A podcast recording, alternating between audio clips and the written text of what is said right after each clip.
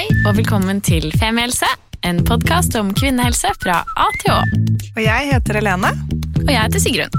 Og vi har startet denne podkasten fordi vi mener at det bør snakkes mye mer om kvinnehelse. Så la oss snakke. Hei. Vi skal fremføre den eh, introen vår live fra nå Ja. Veldig fint, Sigrun. Takk. Ja. Jeg Eh, velkommen til denne irriterende introen av Femihelse. må være litt fleksibel hvis du hører på oss, tenker jeg. Ja, Ja. vi kan jo være irriterende av og til. Ja. Um, vi skal faktisk spille inn en 2-0. For de av dere som har fulgt oss eh, siden oppstarten eh, for eh, to år siden, så gjør vi ganske ofte det, faktisk. Fordi det er jo sånn at uh, Heldigvis skjer det ting. Ja, Uh, det forskes mer, legevitenskapen utvikler seg, eller det fins second opinions, gjør det også. Så vi av og til så tar vi to forskjellige eksperter på samme tema. Fordi, rett og slett fordi leger også kan ha ulike bakgrunner, lest forskjellige ting, lært seg forskjellige ting, eh, ulike erfaringer osv. Og så finnes det second questions, som er at dere har sinnssykt masse flere spørsmål som Yes. dere ikke fikk besvart sist. Og det er like viktig for oss. Ja. Så i dag så skal vi lage en 2.0 av episoden som vi har laget om eh, endometriose og adenomyose. Jeg vil si Det største som har skjedd siden sist, er at vi har lært oss å si de to begrepene. Ja. For det klarte vi ikke sist. Du var her hos oss, Tina Tellum. Hei. Hei, velkommen tilbake. Tusen takk. Det er veldig hyggelig å ha deg her i studio igjen. Vi har jo snakket en del sammen og sett hverandre litt her og der, men veldig godt å ha deg her igjen. Takk, takk. Du har også vært med i boken vår, i kapitlet om eh, endometriose og adenomyose. Det er riktig. Ja, så vi kjenner hverandre godt, og vi er veldig glad i Tina. Tina er en sånn forsker som du bare har lyst til å ha på ditt lag. En, så forsker du på noe som er sjukt viktig, og som angår så mange kvinner i hele verden, men som det forskes altså, generelt sett altfor lite på. Eh, og så er du veldig god på å formidle det. Så det er sånn to ting vi vil ha inn i femihelse. Kanskje Tina skal få lov til å begynne med å introdusere seg selv denne gangen også, for de som ikke um, kjenner deg fra før av. Hei, jeg heter Tina Tellum. Jeg er overlege på Ullevål sykehus, på kvinneklinikken der. Og jeg jobber da som lege faktisk med pasienter, men så forsker jeg også på adenomyose. Det er meg. Og skal vi ta en veldig kort intro på hva de to forskjellige tilstandene er? Ja, la Ja. oss ta en intro på det. Ja. Skal jeg gjøre det? Veldig Ja, gjerne. Best om du gjør det. Ja. Altså, endometriose og adenomyose, veldig kompliserte navn. Vi kan jo avkorte de til endo og adeno, la oss kalle det det. Eh, Det er livmorslimhinne. Den livmorslimhinnen den skal sitte i livmorhulen inne i livmoren. Og det er den som kan kalles for sengen til eh, embryo når den fester seg. Og når det ikke er noe embryo å feste seg, da blør den ut, og da kommer den ut som menstruasjon. Og denne lim, eh, den slimhinnen, som da blir kalt endometrie på medisinsk, den kan sitte på feil sted. Og da blir det til endometriose, og da sitter den hovedsakelig i bekkenet utenfor livmoren. Altså på eggledere, på eggstokken, utenpå livmoren eller på tarmen osv. Og adenomyose, da sitter den samme slimhinnen inn i livmorveggen. Og den, den er en muskel, og derav det navnet også kjertel i muskel. Adeno i myos. Mm. Og det som er så sprøtt, er at disse slimhinnene som da liksom kan fylle seg som fyller seg på en måte med blod i, i syklusen, de kan da blø ut på feil sted. Ja, men de gjør også så mye mer. Altså det er den kanskje nesten litt sånn gammeldags forklaring at de blør. Man tror man det fyller seg alt opp med blod, at hun har litt av blod i buken. Det er ikke sånn. Jeg er veldig old school på, sånn, på legevitenskapen, så jeg tar bare gammel vitenskap og formidler. Ja. Men det er det vi har, jeg har lært på, mm, på studiet òg. Men når vi ser disse um, flekkene med endometriose på uh, operasjon f.eks., så vi ser ikke noe blod. Og de ser ikke alle røde ut som blod eller lilla. Og det er også det problemet som var lenge, at man ikke har skjønt at det kan se helt annerledes ut. Det kan se også gul ut, og sånn gelatinemessig bare litt sånn knallrød og hvit. Og det det, det her vevet egentlig gjør, er det skaper et ganske sånn fiendtlig betennelsesmiljø. Altså det er betent. Det kaller vi inflammasjon på medisinsk. Og flamme, det hører man liksom ut av det ordet. Og den inflammasjonen, altså den betennelsen, den er da liksom roten til all ondskap. Og når du sier ondskap, så syns jeg det også det er fint om vi går kort gjennom symptomene på disse to tilstandene. Symptomene kan være alt fra null og niks, altså at man har det tilfeldig oppdaget. Kvinnen har ingen plager, selv med veldig lite eller veldig mye endometriose. har vi helt symptomfrie kvinner. Men så kan det mm, primært være sterke menstruasjonssmerter. Og særlig med adenomyose har man også veldig kraftige blødninger. Og hva er sterke menstruasjonssmerter? Altså De som må lure på har jeg egentlig vondt under mensen, de har ikke det. Det er ikke mensen vondt. Men det er sånn at du ikke kan gå på skolen, at du bare opplever det som altfor, altfor ille. Og må bruke masse smertestillende da. Det er for mye. Mm. Viktig. Ok. Og så, du som da sitter og hører på dette, hvis du tenker sånn Nei, jeg vil høre mer. Jeg, dette var for kort. Ja, da er det bare å sette på pause og så søke opp den ah, første vi har laget, hvor vi bruker lengre tid på å gå gjennom eh, både eh, symptomer, men også behandling, det som fins eh, tilgjengelig, da, på en måte.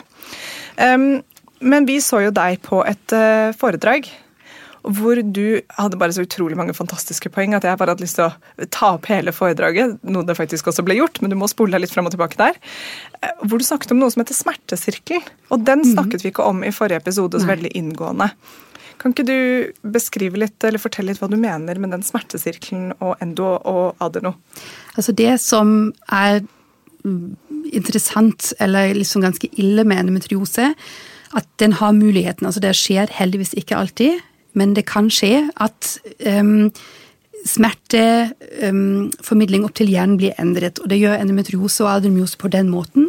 Prøver på en måte å vokse uh, og få flere små blodkar til seg.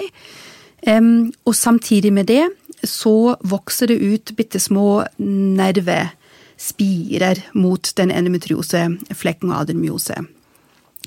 Og i en vanlig situasjon, hvis du opplever smerte, så vil den smertesignalen gå til ryggmargen. Og fra ryggmargen ganske raskt på en hurtig linje opp til hjernen for å signalisere. For smerte er viktig. ikke sant? Det redder oss fra noe som er farlig, fra en blindtarmbetennelse eller noe annet som er gærent. Så smerte tar kroppen veldig på alvor. Nå sitter der denne der endometrioseknuten og sender smertesignalet bort til ryggmargen. Det som skjer da, er at istedenfor å venne seg til smerte, og så skjønner hjernen sånn ah, nei, det her er jo bare den endometriosen, den døver vi bare bort, så blir det mer og mer um, oppskaka og mer og mer obs på det her signalet, og senker terskelen for å oppleve smerte. Og hvis det her går lenger nok, og man har i studiet sett det kan kanskje ta seks måneder, tolv måneder, litt forskjellig, så vil en smertestimulus som var bitte litt vondt i starten, plutselig signaliseres mye vondere av hjernen. Og det gjelder da også ikke bare den endometriosen, som er andre ting man opplever. ikke sant? Kanskje en, en sprøyte som blir satt hos legen, plutselig er alt veldig vondt. Det er det ene. Så det er en smertesensitisering, altså at man blir sensibel for smerte. Og det er ganske uheldig. Og så skjer det neste, med disse små nervebarnene som har spira ut til endometrioseknuten. Og disse nye smertebarnene, de er det eksklusive, og plutselig har endometriosen fått sin egen bane, sin egen autobahn via ryggmargen rett opp i hjernen. Og når det støyet her pågår lenge nok, da kan det hende at kroppen ikke skjønner lenger hvor det kommer fra. For med nerveforsyning i bekkenet og til de organene som ligger i bekken med um, entetarm og blære, livmor, eggstokk, alt det der ligger tett sammen. Mange kvinner sier sånn 'Å, jeg har vondt i eggstokken'. Eggstokk og tarm, og det, det kjennes helt likt, selv om de er veldig overbevist. Det kan nok være det, men de deler de største andelene av disse nervebanene deler de og så, når det her som sagt blir lenge nok bråk, så oppfatter kanskje kroppen plutselig at oi, nå, det er jo blæren som roper, men det er ikke det. Det er bare samme nervebanen som har blitt stimulert lenge nok. Så da får du vondt i blæren. Og så kjenner du vondt i endetarmen. Og så kjenner du muskelknuter. Um, ikke muskelknuter, men sånn små At det knuter seg, sånn triggerpunkt i, i musklene. Mm. Musklene blir også stimulert av disse smertene, og begynner seg knute, og det ser vi bekkenbunnen veldig tens. Og I tillegg driver det samtidig inflammasjon, betennelsen, på og forstyrrer tarmfunksjonen. Tarmen kan da være veldig irritert. Kvinner får diagnosen irritabel tarmsyndrom. Og um, painful bladder syndrom, som det heter på engelsk, eller smertefull blæresyndrom. Hvorfor er det sånn? Er det greit at jeg avbryter litt nå? Mm. Eller hvorfor påvirker det både blære- og tarmfunksjonen på denne måten? Det er eh, både betennelsen, sånn at de små nervene i de altså det vi kaller for autonom nervesystem, altså de nervene vi ikke kan styre, men som sørger for at tarmen kan tømme seg sånn. Det er det ene, men også fordi kroppen oppfatter signalene feil, rett og slett. Så det, for å ha vondt på tarmen eller i tarmen, rundt tarmen, Um, og i blæren, det trenger ikke sitte endometriose akkurat der og da. Det er ikke så enkelt. Det, du har vondt i høyre, derfor sitter endometriose der. Det kan være det, men det er oftest ikke det. Og denne her um, det her fenomenet at smerte hopper over andre eh, organer, det heter smertekonvergens. Altså at smerter flyter sammen. Og så plutselig har du da en, en, en, smerte, en kronisk smertepasient sittende som har kanskje hatt endometriose i utgangspunktet, og det er det neste som er veldig kjedelig. Hvis det her kjøret pågår lenge nok, og det gjør det jo dessverre fordi kvinner er udiagnostisert og underbehandlet, um, og så blir det jo sendt fra urolog til koloskopi, altså sånn at man titter opp i tarmen og sånt, man finner jo aldri noe der. Og denne her prosessen med de smerter fra andre organer, det kan kjøre sitt eget løp. Hvis du kommer inn for sent da, da kan du behandle endometriosen så mye du vil. Du kan operere, du kan gi medisiner, du prøver liksom 15 forskjellige hormoner, ingenting hjelper lenger på de der smertene. Eh, og det, det er veldig uheldig, og da kommer man, da kommer man alltid liksom på bak, liksom på bakskudd, på etterskudd der. Fins det noe smertebehandling, da? Noe som funker? Det fins um, smertebehandling, og den er Det er veldig, veldig viktig at man ikke bare behandler da, symptomer med smertemedisiner, for det er neste ofte er både fastleger og, og, mange andre er så desperate at man begynner med, med morfinpreparater. Og altså Vi ja, behandler da litt, som, litt for enkelt. Eh, og bare det blir mer og mer og mer, og mer, og kroppen får jo en tilvenningseffekt. En veldig vanlig mm, eh, bivirkning er jo også at man blir forstoppet av de, så blir det enda mer problemer med tarmen. Disse musklene som jeg nevnte, mm, det fører til ekstreme spenninger i, i um, bekkenbunnen. Så mens du trykker for å få tømt tarmen, så spenner bekkenbunnen seg enda mer. Så det er sånn motvirkende. Og så er man så fokusert på den rene endometriose flekken som man har sett. Så det blir så feil. Så det man kan gjøre, er fysioterapi. Og fysioterapi med en som kan dette her. For vi har noen veldig gode behandlere i Oslo. Det som er, og rundt omkring i landet, dessverre er det ikke så systematisk at vi vet ok, i hver kommune hvor, hvor de akkurat sitter. Og mm, jeg har mange pasienter som kommer tilbake og sier at nå har jeg prøvd fysioterapi, og var der tre ganger, og det har ikke fungert. Det er ikke nok. Altså, det er nesten sånn livslang opplegg. Og ernæring kan også bedre, for de kan lette på betennelsen. Og virkelig um, forskjellige øvelser hvor man klarer å slappe av osv. Det, det er veldig, veldig viktig. Hva slags ernæring er det vi snakker om da? Altså, vi har i studier ikke kunnet påvise at det er den ene tingen som hjelper. Mm. Eh, og det tror jeg er fordi både det er så komplekst, og så er vi ganske individuelle òg. Jeg tror hvis vi foreslår, og det, det hater med disse diettene eller alt som blir anbefalt, er at man tror at alle fungerer likt. Men vi vet vi har forskjellige ting vi elsker. Så jeg kan ikke leve uten yoghurt. Da bare fungerer jeg ikke, ikke sant? Andre hater yoghurt.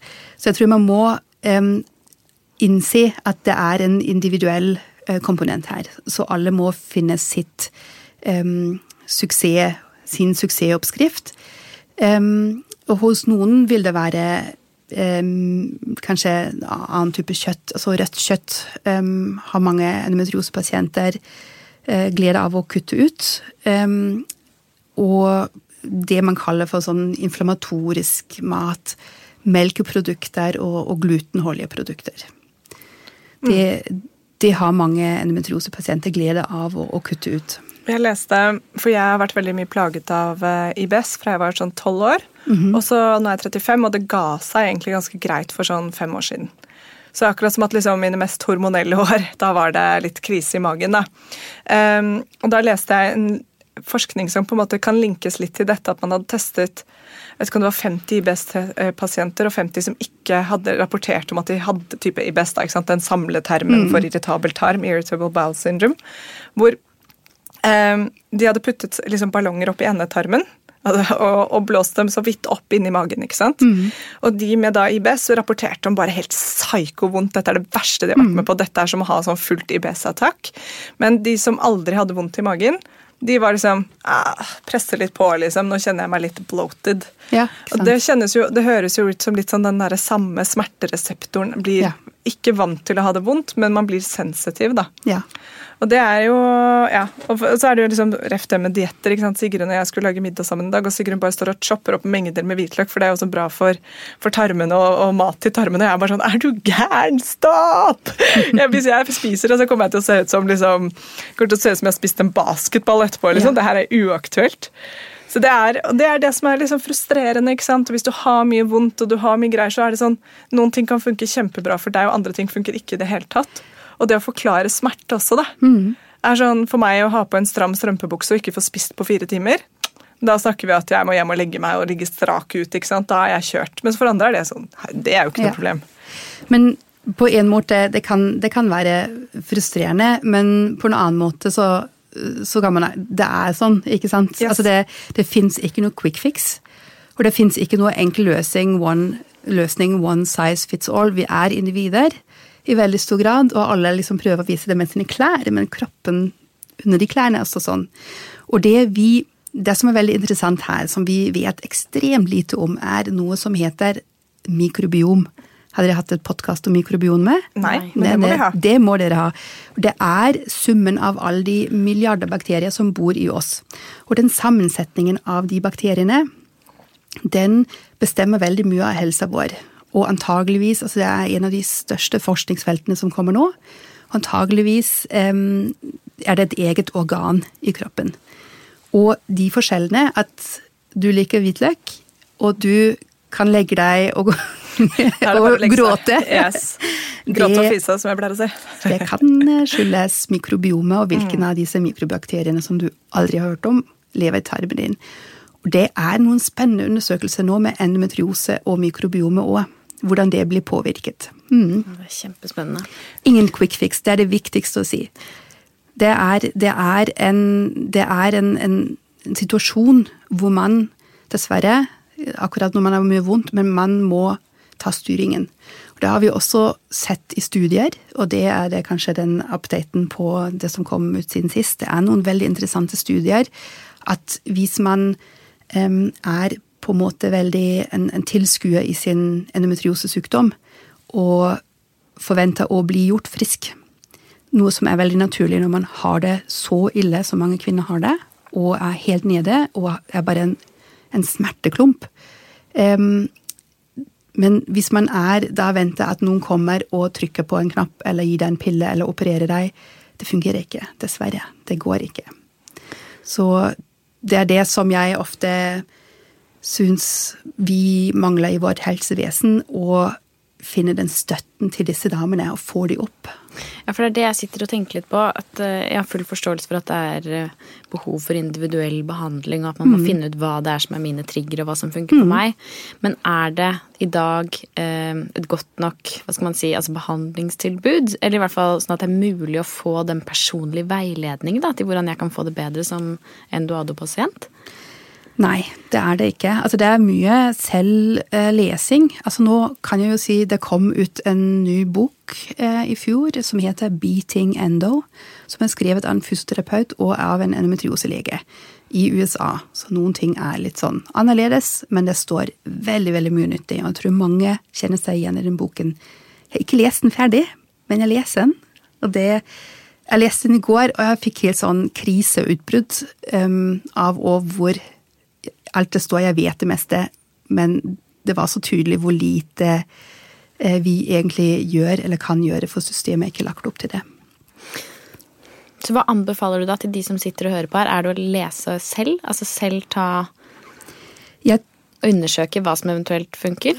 Det, ja, det tenker jeg egentlig Er det egentlig veldig greit? Fordi jeg kan jo foreslå som lege jeg kan foreslå fem ting, men det, til slutt er det opp til deg å prøve å finne ut hva som er det riktige. Så jeg kan gjerne komme med forslag, men jeg kan ikke prøve de for deg. Hva pleier du å foreslå da, hvis det er liksom et sånt um hva skal jeg si, Hvis man har tid og ressurser til det, da. At man, at man eh, går til en fysioterapeut, at man ser på dietten sin, kanskje går eh, i terapi og får hjelp til å mm. liksom bygge seg selv litt opp igjen og bearbeide traume det faktisk er å ha så mye vondt. Ja. Um, og er det noe, altså hva, hva, hva, pleier du å si, liksom? Jeg henviser gjerne til smertetime. Um, fordi de er mer omfattende. De har en psykolog som ser hva har smertene gjort med deg. For vi kan jo gå tilbake til denne her smertesirkelen. Den stopper jo ikke i ryggraden og i bekkenet, den går jo opp til hjernen. Konstant smerte kan føre til depresjon, angstlidelser. Og hvis du har noe opplevelse fra før, eller hvis du har en depresjon eller angst i bunn, så vil det forsterke smerten i tillegg. Altså da vil det være som å rope gjennom en megafon. Og Det er også den, der forskjellen kommer fra hvordan pasientene har det. Og så er det jo ressursene som du har til rådighet. Men smerteteamet jobber også med psykologer og med fysioterapeuter. Og også med bevisstgjøring, pusteøvelser. Og jeg kjenner mange endometriosepasienter som sa jeg hadde slutta å puste. Jeg gikk jo på Oxy, altså sterkeste smertestillende, knesker de som, som godteri, og jeg har sluttet å puste. Og så måtte de gjennom det og finne pusten igjen. Mm, og det kan hjelpe, og det krever ganske mye egeninnsats å ha troa på, på, den situasjonen. Mange opplever også at de føler seg gitt opp av helsevesenet. Når jeg sier ok, jeg sitter her som en gynekolog, det er ikke endometriosen lenger som er problemet nå. Det har blitt et nytt problem som vi må ta tak i da føler de seg ofte forlatt eller ikke tatt på alvor. Det er ikke det de vil høre. De vil ha en ny operasjon. Så det går liksom begge veier. Hadde jeg hatt alle de terapeutene liksom med en gang, med en snips, så tror jeg det hadde vært lettere for kvinner å akseptere og føle seg ivaretatt. Det skal vi bygge opp. Det må vi bygge opp. Hvor langt unna er vi et tverrfaglig behandlingssenter i Norge? Åh, jeg vet, altså, langt For langt? Unna. Jeg, jeg, vi har jo snakket om det i så mange år. Um, og det, det For hvor mange som, kvinner er det det er snakk om? Sånn cirka? Jeg har regnet på det, nå har jeg glemt tallet. Men det er utrolig mange kvinner. Altså 25 av den kvinnelige befolkningen som menstruerer, er rammet av endometriose og adenomyose, antageligvis. 10 i hvert fall er endometriose og 20 adenomyose. Litt overlapp. Så det, det koster. Altså alle disse udiagnostiserte og ikke-behandlede kvinner. Og de her kan jo stoppes og forebygges i stor grad med å komme inn til legen tidlig, få riktig behandling tidlig. Um, og vi ser jo det. De, kvinnene de lever, de har mye endometriose. De lever et greit liv. Hvis vi kommer med på banen med god hjelp. Ja. Mm. Og da kan du ikke bare raskt si hva den gode hjelpen er for de som hører på? Det er, um, det er ofte fysioterapi, en, en, en psykolog, psykomotorisk fysioterapi, som det heter. Hormonprevensjon? Mm, hormonprevensjon, Ja, det har jeg ikke sant, nesten ikke snakket om. Jo da, eh, hormonprevensjon, særlig i starten når endometriose kan også bli døv for hormoner. Men jo, det, kan, det hjelper jo eh, mange og særlig å stoppe og, og tørke ut endometriose og adenomyose. Det kan ta mye av inflammasjonen bort. Stoppe syklusen, f.eks. med en hormonspiral? Ja. ja. Mm. Det kan hjelpe veldig mange, særlig veldig unge som ikke har vært i det kjøret her lenge. Hvis de går på p-piller smertefri, jippi! Ja, ikke sant. Og graviditet og fødsel, eh, har det noen påvirkning på endometriose på sikt hvis man har det før man blir gravid? Um, tenker du på om det blir verre eller bedre? Ja. Man har jo alltid sagt at endometriose ble bedre med fødsel og amming. eh, Og mange blir bedre av sine symptomer, samtidig som adenomyose kan bli verre. Og du kan få adenomyose etter en fødsel. Så det er sånn, ja. Så det, men barn er jo så mye større enn de der sykdommene, så vi kan ikke verken bruke sånn ikke få et barn, så kan du få adenomyose, blir jo feil, eller nå, nå skal, som lege sa faktisk før, du må, nå blir, må, må du bli gravid og få to barn, så blir du kvitt endometriosen. Altså, hallo. Ja, ikke sant. Mm. Siggen, er det kommet noen flere spørsmål fra lytterne som vi skal ta på tampen her? Ehm, ja, altså et eh, spørsmål her er jo hvor lang tid tar det typisk å bli utredet? Det kommer jo an på. Altså hvis du, hvis du går til, til fastlegen De fleste burde jo skjønne det hvis man har veldig vondt. Og så kan man bli henvist til en gynekolog først. Altså fleste, vi for mange henvisninger inn til Ullevål, til endotime, som det heter, eller som vi blir kalt. Um, er 15 år har vondt under mensen til endometriosetime. Altså det første man gjør, er å prøve en, en, en p-pille hvis det går, eller altså hvis ikke de andre Hvis det er så ille at man ikke kommer i mål med en varmeflaske og en Paracet. Så det, men gynekolog, avtalespesialist, er en god start. Og så eh, kan kobberspiral trigge endometriose, vet vi noe om det? Vi vet at kvinner med endometriose, og særlig med adenomyose, um, har mye mer symptomer. Om da selve sykdommen blir verre, det har vi ikke noe informasjon om. Men det anbefales jo absolutt ikke. De blør skikkelig når de får det. Mm. Og dette syns jeg er litt spennende. Og det kan endometriose oppstå senere i livet uten at man har hatt det tidligere. Ja da, det kan det. Så det er ikke sånn at det kommer samtidig som man får mensen. Nei, nei. Vi vet veldig lite om la oss si, den naturlige veien av endometriose. For da måtte vi undersøke kvinner helt fra de er 16 til de er 50, og se hvordan det utvikler seg. Det burde vi gjøre for adenomyose, det har jeg veldig lyst til. Men det er så svært prosjekt at jeg gruer meg litt. Men Ja. det er det som vi trenger. Ja, det høres veldig spennende ut, da. Um, er det vanskeligere for kvinner med endometriose å få barn? Nei, adenomyose. Adenomyose Ja. Man kan svare på populasjonsnivå. Det betyr at hvis vi ser på kvinner som ikke får barn, så har veldig mange adenomyose. Men um, for den individuelle kvinnen um, kan vi ikke svare. Altså hva er risikoen din å ikke få barn? Det vet vi ikke. Og det er ikke noe grunn til å eh, bli panisk, fordi vi har veldig mange kvinner med både endometriose og adenomyose som blir lett gravide. Men jeg tenker hvis man vet at man har det, så hadde jeg nok anbefalt å bruke hormonspiral for å holde det i sjakk og droppe den inflammasjonssyklusen som ødelegger veldig mye. Ok, Siste spørsmål før vi avslutter. og Dette tenker jeg er et viktig og fint spørsmål. og det er Hva sier man, eller hva kan man si til en venninne som ser dobbelt fordi hun har så vondt, men som ikke gjør noe med det? Ja. Det er jo Ikke sant, du kan ikke leve hennes liv, så det er veldig, veldig vanskelig. Jeg har jo også mange pasienter som tenker men kan du ikke bare prøve det her? Um, man er litt maktesløs, men man um, må da kanskje jobbe litt sånn kognitiv. Altså prøve å få henne til å skjønne hvor ille det egentlig er. Men initiativ både til å oppsøke hjelp og ta en behandling og kanskje gjøre de ting som skal til. Kanskje spise sunn, kanskje slutte å røyke, kanskje begynne å trene. Det fins jo tusen ting, ikke bare endometriose. Det må folk gjøre selv. Og så høre på den episoden med Herman. Hva var det, hva er det for utforskende intervju? Nei. Eh, Eh, Motiverende intervju. Motiverende intervju, ja. Eh, Som Herman hadde, som var eh, en teknikk på hvordan man skal eh, snakke med noen som har et problem. Og så se hvordan man kan utforske sammen om de har lyst til å få hjelp eller ikke. Nemlig. Kanskje hun Mm. kan høre på det, og så kan hun teste teknikken på venninna si mens hun sender henne disse to episodene vi da har laget om endo og ado.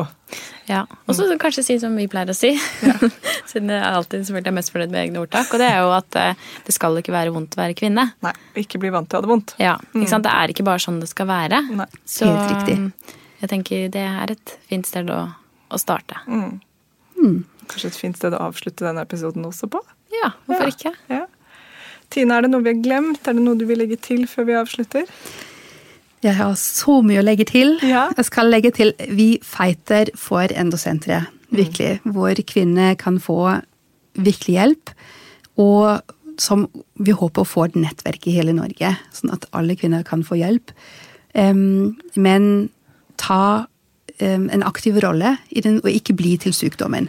Ikke bli til sykdommen, det er det viktigste. Dere er så mye mer enn bare endometriose, de som er rammet.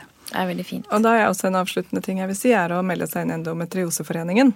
Eh, fordi eh, alle foreninger, jo flere medlemmer de har, jo sterkere står de, og kan også ta den kampen for at vi skal få opp til, på plass Ja. et, eh, et tverrfaglig eh, behandlingstilbud over hele landet. Så meld dere inn, eh, og følg dem på Instagram følg dem på Facebook, og vær liksom delaktig hvis du er en av de som, som har dette. For det er det mange av dere som hører på, som har, dessverre. Og så eh, sammen kan vi prøve å kanskje dytte fram, dytte fram et bedre tilbud. Og nå er det jo faktisk sånn at Tina må løpe for å forske. Ja. Faktisk, ja. ja. Takk til alle kvinner som kommer i ettermiddag for å bli undersøkt og Ja, være med i forskningen. Ja. Ja, Det er vi veldig glad for. Og så tenker jeg vi satser på en 3-0 etter hvert. ja, gjerne det. Ja, ja. Vi holder på vi til, til senteret er på plass, og vi ikke trenger å snakke om dette noen Ukentlige episoder som dette fram til. Yes. Sender vi alle rett til Bent Høie. Tusen takk, Tina, for at du Tusen tok deg takk. tiden til å prate med oss. Det er som alltid spennende og provoserende og alt på en gang. Mm. Men eh, ja, mest av alt tusen takk. Ja. Eh, Takk til deg som hørte på. Yes. Vi snakes. Det gjør vi. Ha det. Tusen takk for at du hørte på podkasten vår. Selv om det forhåpentligvis kommer tydelig frem, så vil vi understreke at vi ikke er helsepersonell. Ja, så som vanlig, kontakt legen din om du har noen spørsmål, eller om du skal begynne på noen form for behandling. Og har du et tema som du har lyst til at vi skal snakke om, eller noe ris eller ros, så send oss gjerne en melding på Facebook eller på Instagram. Der finner du oss under Femihelse. Og du kan gjerne rate oss på iTunes, det er skikkelig hyggelig for oss. Ha en fin dag! Ha en kjempefin dag!